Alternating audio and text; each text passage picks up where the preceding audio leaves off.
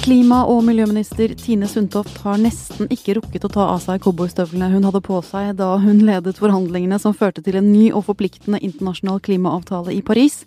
Nå er hun her, på det som ser ut til å bli den siste dagen hun kan kalle seg klima- og miljøminister. Det er en begivenhetsrik juleinnspurt for deg, Sundtoft? Eh, definitivt. Det har vært travle, ikke dager det siste, men travle døgn. Eh, Emil Johansen, 31 år og stabssersjant i Hæren, har vært i 13 skarpe oppdrag for Norge de siste årene. Feiret jul i Afghanistan to eh, år, eh, og nå er du her. Velkommen til oss. Tusen takk for det. Og Vibeke Klemetsen, yogaproff og lidenskapelig opptatt av trening og helse. Men innimellom så gjør du helt andre ting. Nå har du nettopp kommet hjem fra Nigeria hvor du har vært på reise for Unicef og møtt unge jenter som har overlevd fangenskap hos Boko Haram. Det er den type turer som endrer perspektivet ditt på ting, eller? Veldig. Det var min livs tøffeste reise, det må jeg si. Mm. Alt dette skal vi komme tilbake til. Men altså, eh, Tine Sundtoft. Eh, når vi sitter her og har denne praten, så er det ca. lunsjtid på tirsdag. Og i morgen onsdag så legges det fram endringer i regjeringskabalen. Noen ministre skal ut, noen skal inn, andre ministre skal få nye departementer. Jeg har sett et rykte som sier at Vidar Helgesen blir ny klimaminister. Eh, har du noe å si til det ryktet? Nå er det veldig mange rykter som går. Jeg er ikke innkalt til noe statsråd i morgen i det hele tatt. Det er ikke sikkert at det blir noe i morgen. Nå, vi får se. Nå er det tirsdag. Nå er vi her. Ønsker du deg et nytt departement, da? Arbeidsminister, kunne det vært noe? Europaminister? Jeg er bare superfornøyd med hva jeg har vært med på de siste ukene og levert en historisk eh, klimaavtale fra Paris. Det er det mitt hode er fullt av nå. Mm, jeg skjønner. Eh, det der med å få jobber som du ikke egentlig har søkt på eller bedt om, eh, det var det som skjedde på klimakonferansen i Paris også? Altså Da du satt på flyet på vei over, så visste ikke du at du skulle ende opp med å være forhandlingsleder? Eh, nei. Eh, fikk jeg litt sånn hint før jeg gikk på flyet om at noen fra Frankrike ville snakke med oss, men da jeg landa så skjønte jeg at det var utenriksminister eh, Laurent Fabius som ville ha det vi kaller bilateral samtale, altså bare en samtale Norge og Frankrike. Og så jeg var ikke mer enn landa, før jeg skjønte at det var det, det det var. Og da begynner jeg å lure på hva vil han snakke med meg om nå under forhandlingene. Så vi drar på hotellet, pakker ut litt bagasje og drar til eh, konferansesenteret.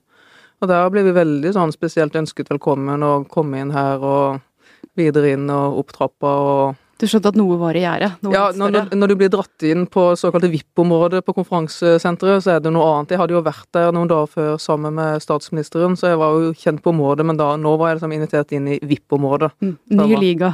Ny, ny, liga. Og da, jeg hadde på meg favoritt-T-skjorta på vei ned. Jeg kjøpte T-skjorte på vei til Lima i fjor, på klimatoppmøtet der. Og på den står det 'work hard, party hard'. Så det har vært liksom slagordet gjennom 2015. For det har vært en lang klimareise fra Lima til Paris, eh, hvor vi liksom la grunnlaget for dette. Jeg har deltatt eh, I 2015 har jeg sittet 44 dager i internasjonale klimamøter. Ti timer i snitt hver dag. I tillegg vært i Brasil fem dager, Colombia fem dager, vært i Antarktis, vært på Arktis.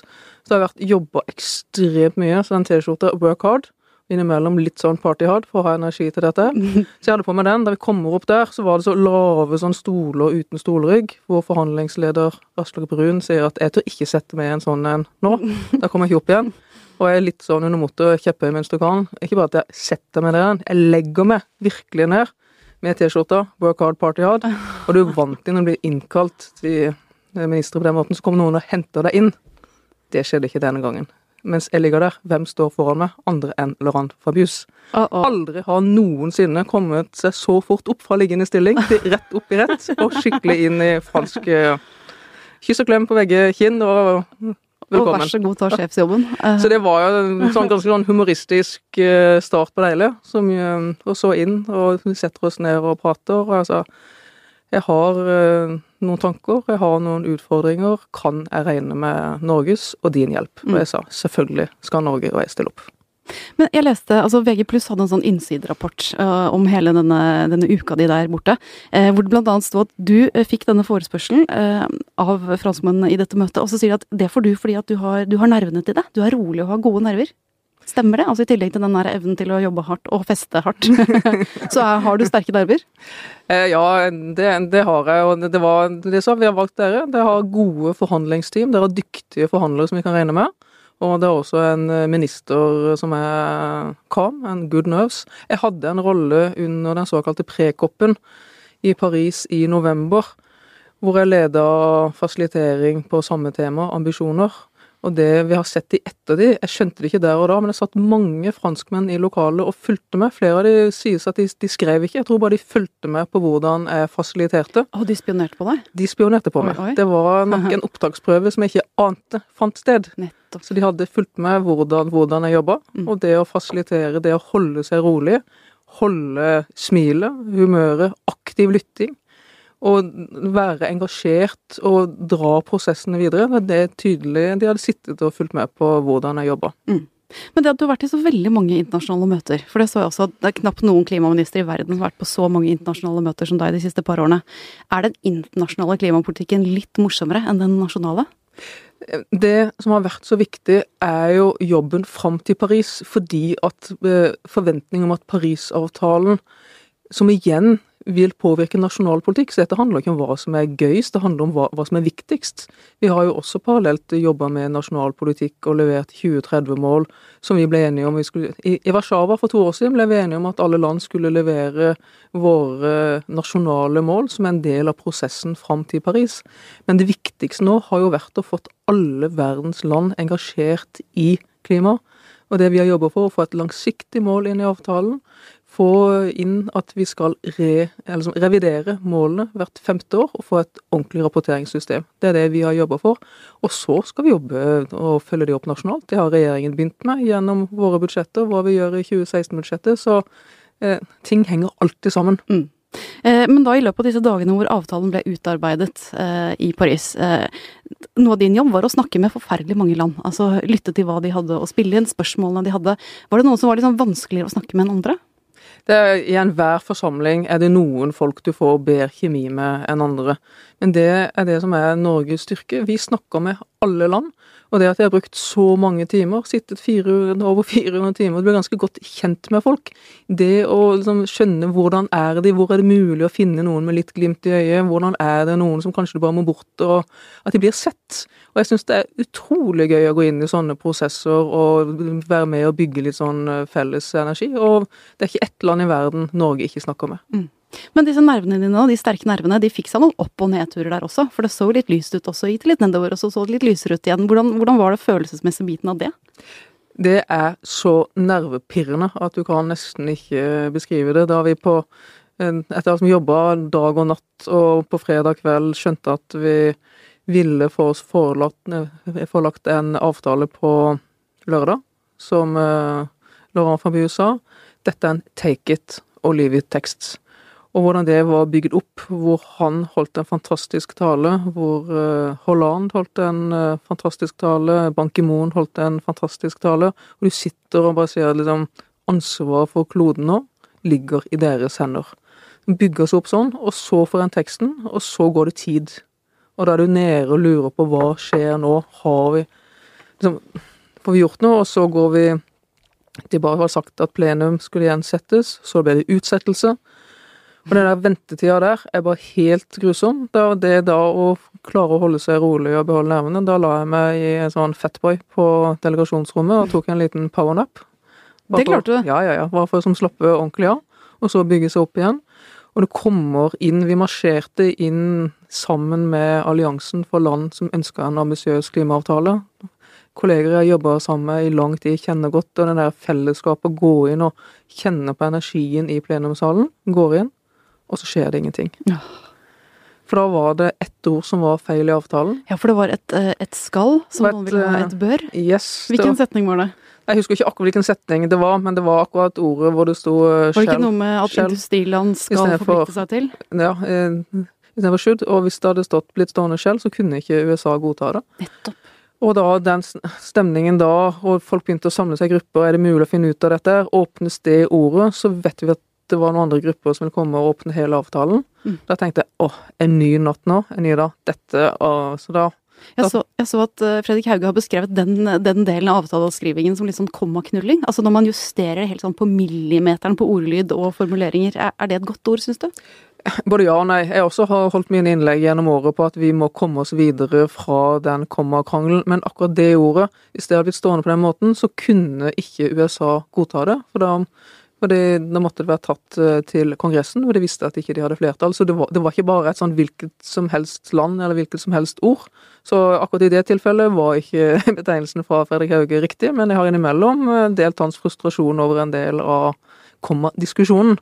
Men da kom inn igjen da, og da president eh, Fabius kommer inn og kikker ut og hørte klubba gikk 1927 og jeg avbrøt Jeg var raskt på applausen, men avbrøt applausen og sendte SMS til statsminister Erna Solberg. Eh, Don Deal, stor applaus.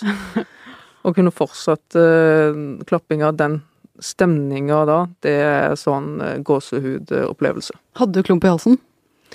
Ja, mer enn sånn utenpå virkeligheten-følelse. Dette er så stort å være med på, og så gøy å vite at eh, Norge har fotavtrykk i eh, nå verdens klimaavtale. Det var et historisk øyeblikk. Mm. Eh, du har jo ikke alltid, i løpet av de to årene du har hatt ministerposten, vært den mest populære personen hos de norske miljøorganisasjonene. Det har vært litt kjøft å få. Lite handlekraft og det der. Hadde du også sånn liten følelse da den applausen gikk i Paris om at nå har du bevist, nå kan de komme her og snakke om handlekraft, de små norske miljøorganisasjonene. Kjenner du litt på den? Det er jo aldri noen miljøministre som har fått eh, honnør underveis fra miljøbevegelsen. Det ligger i sakens natur at de har sin agenda, og jeg har min agenda. Men jeg bare bestemte meg, etter jeg også fikk en rolle i Lima i fjor, at nå skal Norge og jeg gjøre alt hva vi kan for at vi lykkes i Paris. Jeg vet at dette er resultat av hardt arbeid gjennom hele 2015. Det er ikke noe skippertaksmentalitet. Og det da, når hardt arbeid gir sånne resultater, det er en fantastisk god følelse. Mm. Og så hadde du på deg cowboybootsene for å liksom få igjennom de vanskeligste punktene i programmet, var det ikke litt sånn?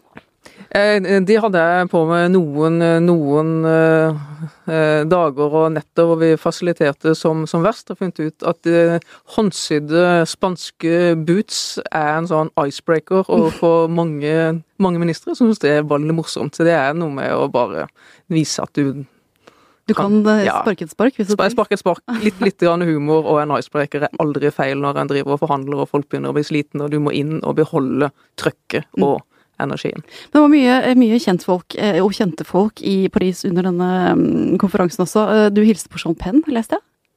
Kjekk? På, sexy? ja, måten han liksom kom inn, entra scenen og istedenfor å stå ved, ved, ved, det som skulle være en talerstol, bare liksom legger den ned og setter seg og forteller så varmt om regnskogen kort tid før jeg skal inn med min kollega fra Gabon og snakke om regnskogen, så er det også sånn foran vanvittig mye, mye mennesker, så er det også ganske gøy å se hvordan uh, stadig flere er engasjert i viktige spørsmål. Mm.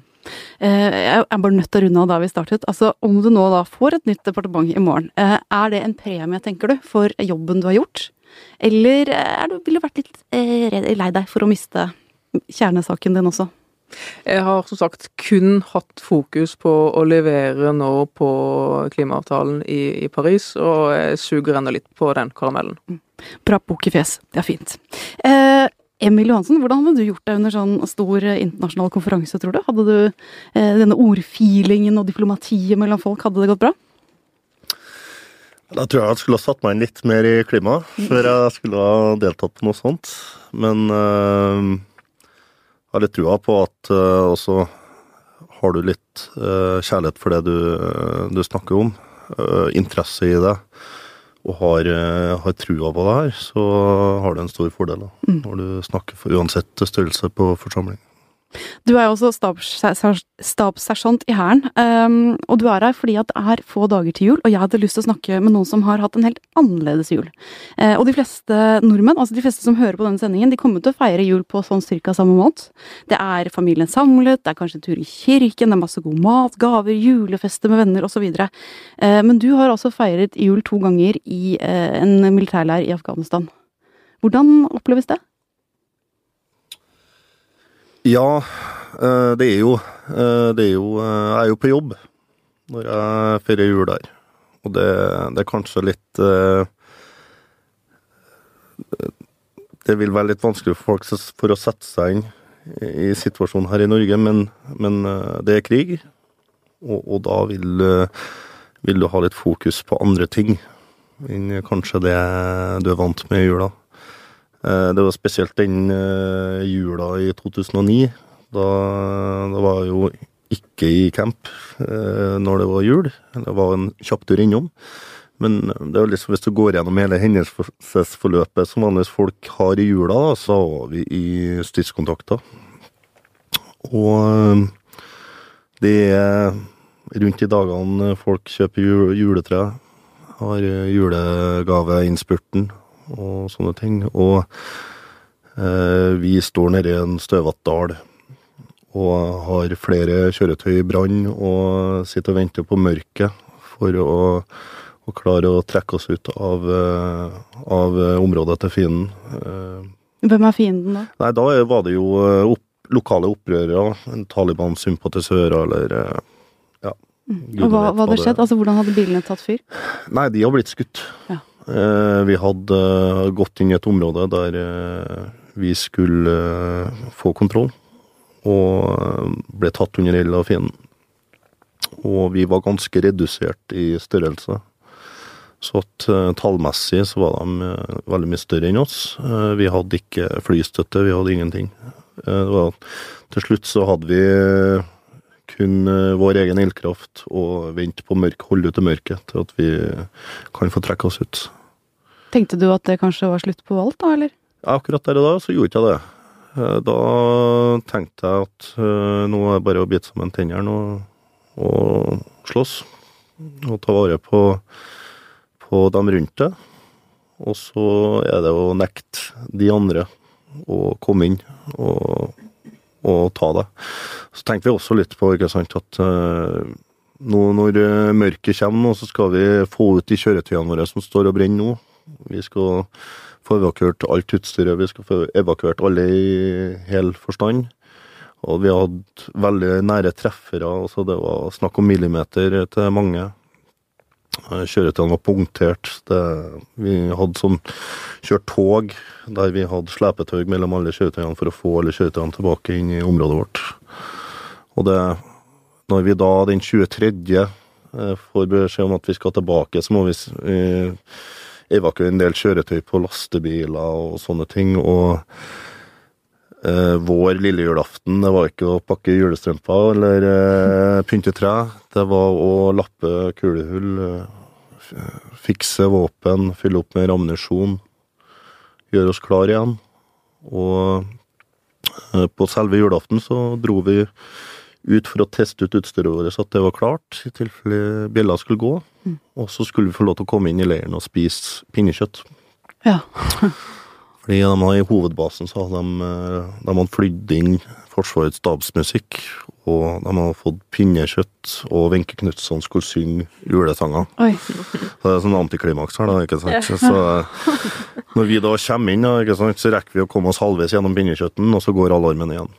Ja, så da er det Da er det bare å ta siste tyggene av pinnekjøttet og springe ut i kjøretøyene. Og da var det en afghansk politipost som hadde vært under angrep i tre dager. Som nå sang på siste verset. Det var flere var drept, og flere var såra, og de kom til å bli tatt i løpet av timene hvis vi kom oss av gårde. Og da visste vi at den afghanske hæren hadde prøvd å komme med unnsetning eh, dagen før. Men de har blitt stoppa med tap eh, fra lokale Taliban-styrker. Og da var det Det ble ikke noe telefon hjem, eller ikke det var ikke noe, var ikke noe god jul. Det var ikke noe Wenche Knutson, så da satt vi opp og ga hverandre knoken og Hva betyr det? gi hverandre knoken. Og jeg så hverandre i øynene og ga hverandre knoken. Det var vår stille kommunikasjon om at uh, vi stoler på hverandre. Og så da feira jeg jul sammen med de. Ja.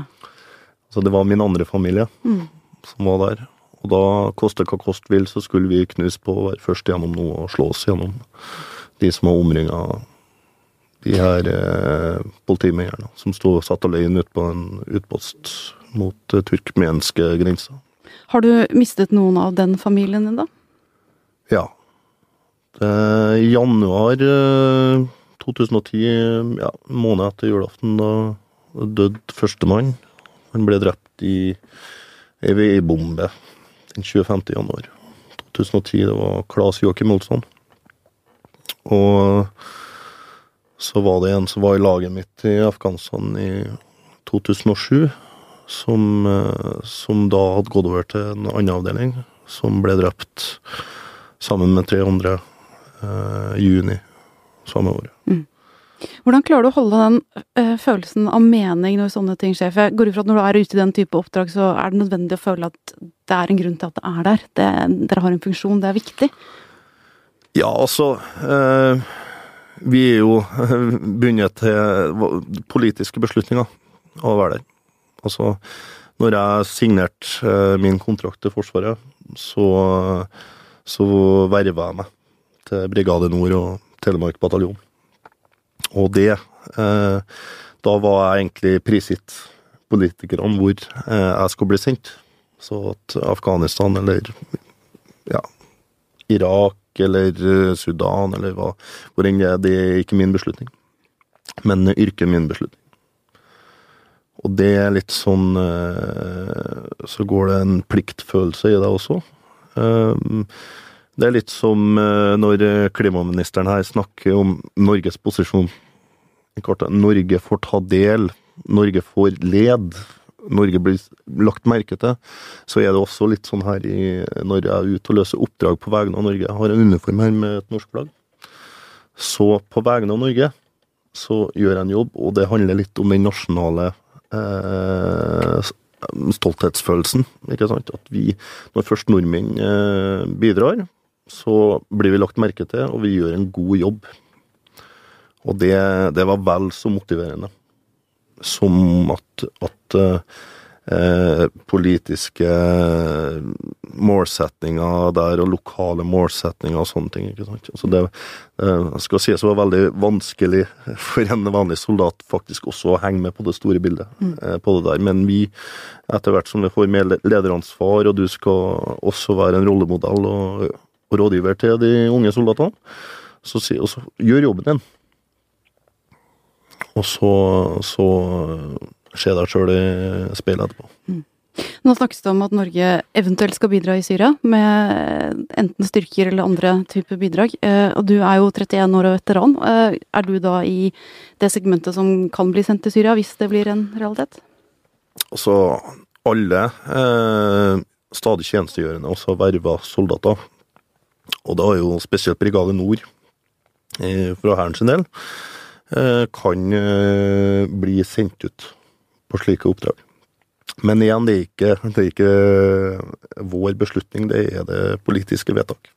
Men når du, altså, hvordan, hvordan stiller du deg til det? Altså, når du kommer hjem eh, fra den type oppdrag, biler har brent, du har blitt beskutt, du har lappa kulehull, så er du tilbake i, i trygge Norge. Eh, lysten din til å dra tilbake da, hvordan er det med den? Nei, altså Det er selvfølgelig greit med en pause. Eh, Men eh, du bygger opp en, en eh, yrkesstolthet. Altså en identitet også. Og det, det er en Du kan ofte si at å være en profesjonell soldat, offiser, befal Altså det, det blir på en måte en livsstil. Mm.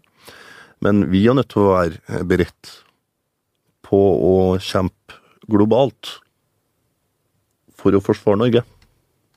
Og også for å, forsvare norske interesser. Eh, og det sånn har det blitt også. Vi har fått internett. Eh, vi har fått alt mulig. Altså hele verden er globalisert. Og eh, motstandskamp er ikke nødvendigvis bare i Norge, men det kan være i andre deler av verden. Og, og det er noe vi må ta inn over oss. Jula i år, den blir i Trondheim. Ja, Det blir noe. Blir det pinnekjøtt? Ja, sånn diskusjon her, da. Det er enten ribbe eller eh, pinnekjøtt. Vi skal få til begge deler, men hvilken dag det blir, det vet jeg ikke. Men når du da feirer jul med den ordentlige familien, altså blodsbåndfamilien din, kommer du til å sende en tanke til den andre familien din, altså de du eh, Militærfamilien din, hvor sikkert noen er ute i tilsvarende oppdrag? Selvfølgelig. Det, det gjør det alltid. Det, du tenker på dem. Men jeg vet at uh, de er stort sett så opptatt med jobben sin. Og de er i trygge hender sammen med sine uh, søsken ut her. At eh, jeg tror nok det er mer vi hjemme som sitter her og tenker eh, på, på de enn de tenker på oss. Det er verre å være, være, være hjemme enn å være ute. Eh, på akkurat det så tror jeg, tror jeg det også. Mm. Er det fint at sånne folk som Emil kan dra ut og forsvare våre interesser? Blir du, blir du takknemlig når du hører om snakk om hva han utsetter seg for, Tine? Eh, ordet fint er jo ikke et riktig sånn ord. Det er Ja, jeg føler takknemlighet over at noen er villige til å ta på seg en sånn oppgave på vegne av Norge. Eh, Vibeke, du har også vært, eh, ikke i den situasjonen, men i en helt annen type situasjon enn den du pleier. Eh, for, altså, du, du er jo yogaproff, sa jeg innledningsvis, opptatt av kosthold og helse. Eh, og driver en, eget treningsfirma, men eh, så gjør du innimellom noe helt annet. Eh, hva, er du, hva er din rolle for Unicef?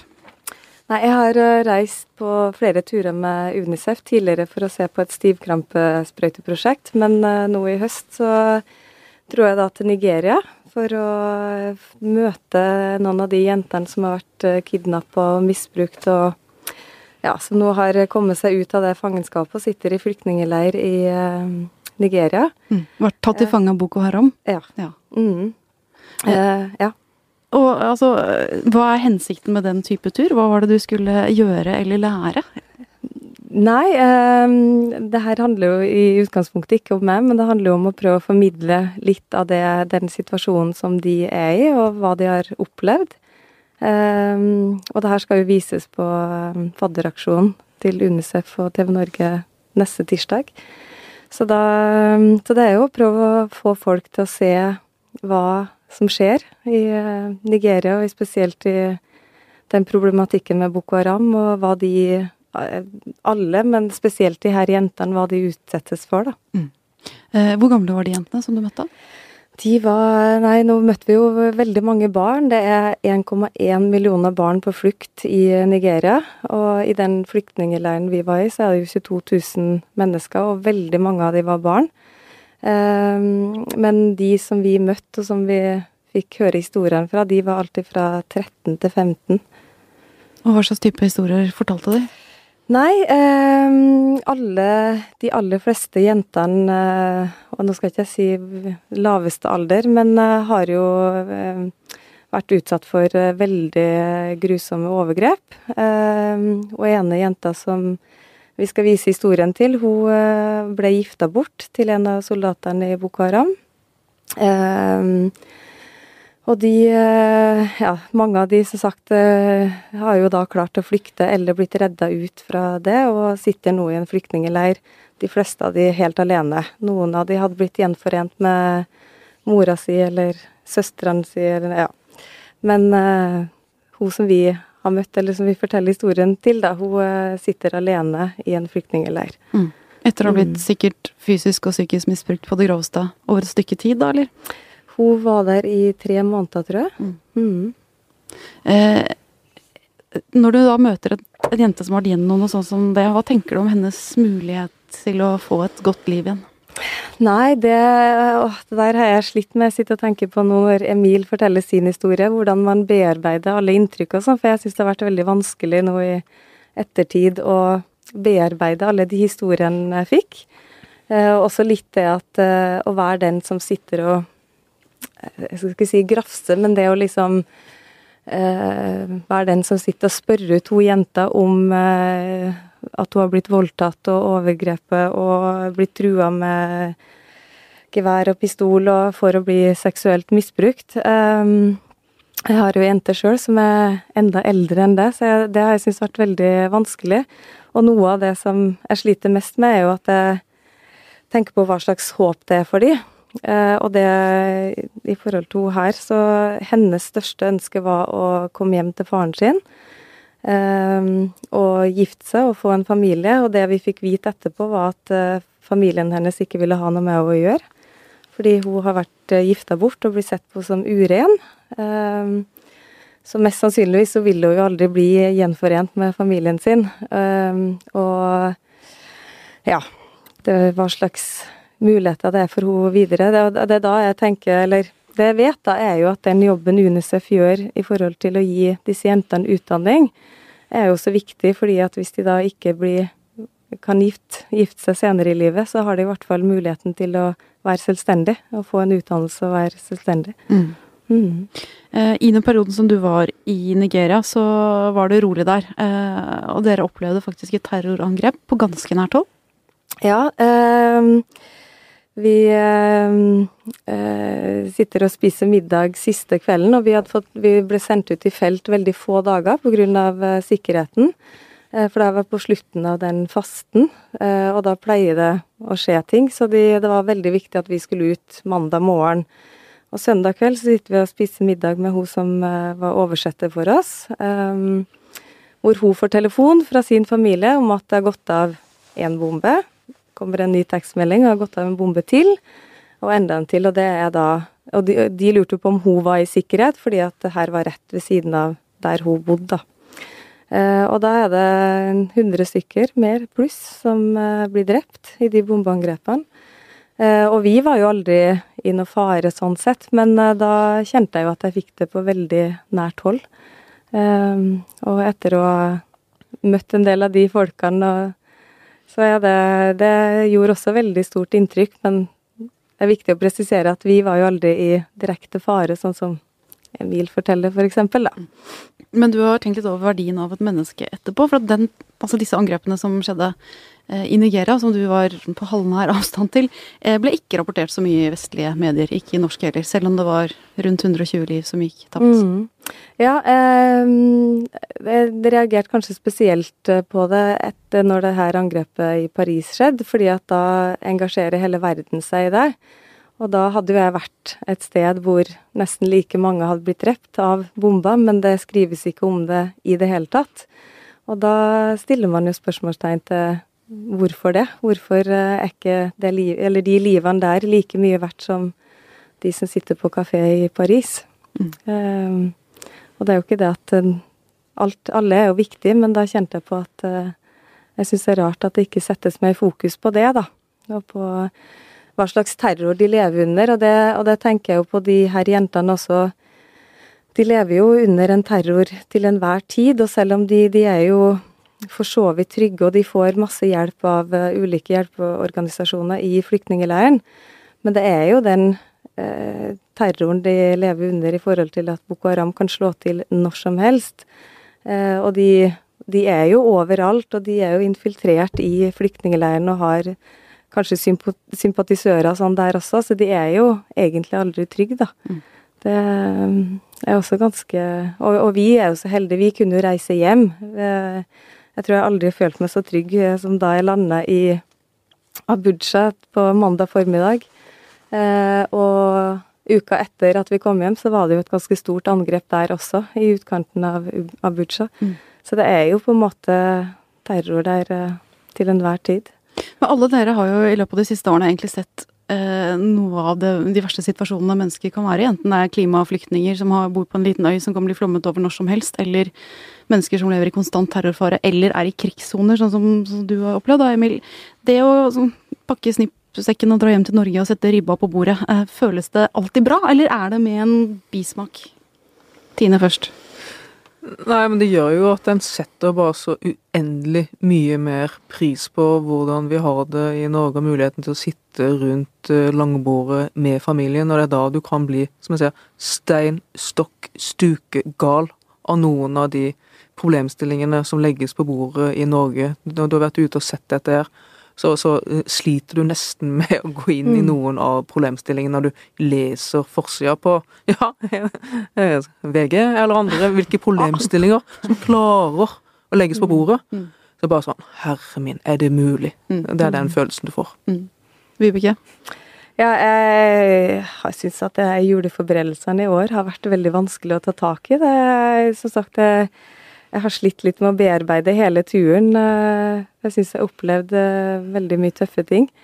Og det blir jo litt sånn eh, man, Selvfølgelig så setter man umåtelig stor pris på det man har her, og familien og barna mine og alt det, men samtidig så det blir jo jul uansett. Barna mine får eh, alt de trenger, eller de har alt de trenger og sånn, selv om jeg ikke jeg går helt i Ja, for å styre og stelle til jul. Så i år jeg kjenner at det er litt andre ting som er surrer opp i hodet. Mm.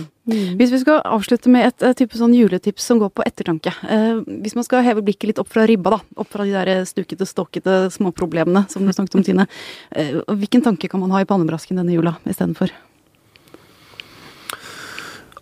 Feir med måte, tror jeg. Feir med måte. Så enkelt. Ja, og så ja. Hva er det som er viktig? Er det to måneder med julelys i Karl Johan? Er det julesalg til klokka tolv hver kveld på alle kjøpesenter, inkludert søndag? Eller er det faktisk eh, hva jula handler om? Det å være med eh, dine nærmeste, dem det betyr noen ting å være sammen med. Og ikke noen konkurranse om hvem som har de beste julegavene på skolen etterpå. Mm. For det tror jeg vi har bare blitt verre og verre og verre og verre på i, med årene som har gått. Mm.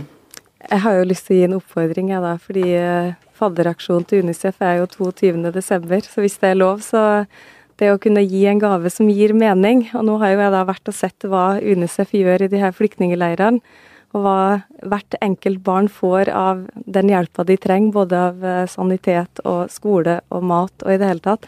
Og det å kanskje gi eh, et fadderbarn, eller verve seg som fadder, kanskje det kan være en fin gave, og ikke hele tida tenke på alt det her materialistiske som vi av.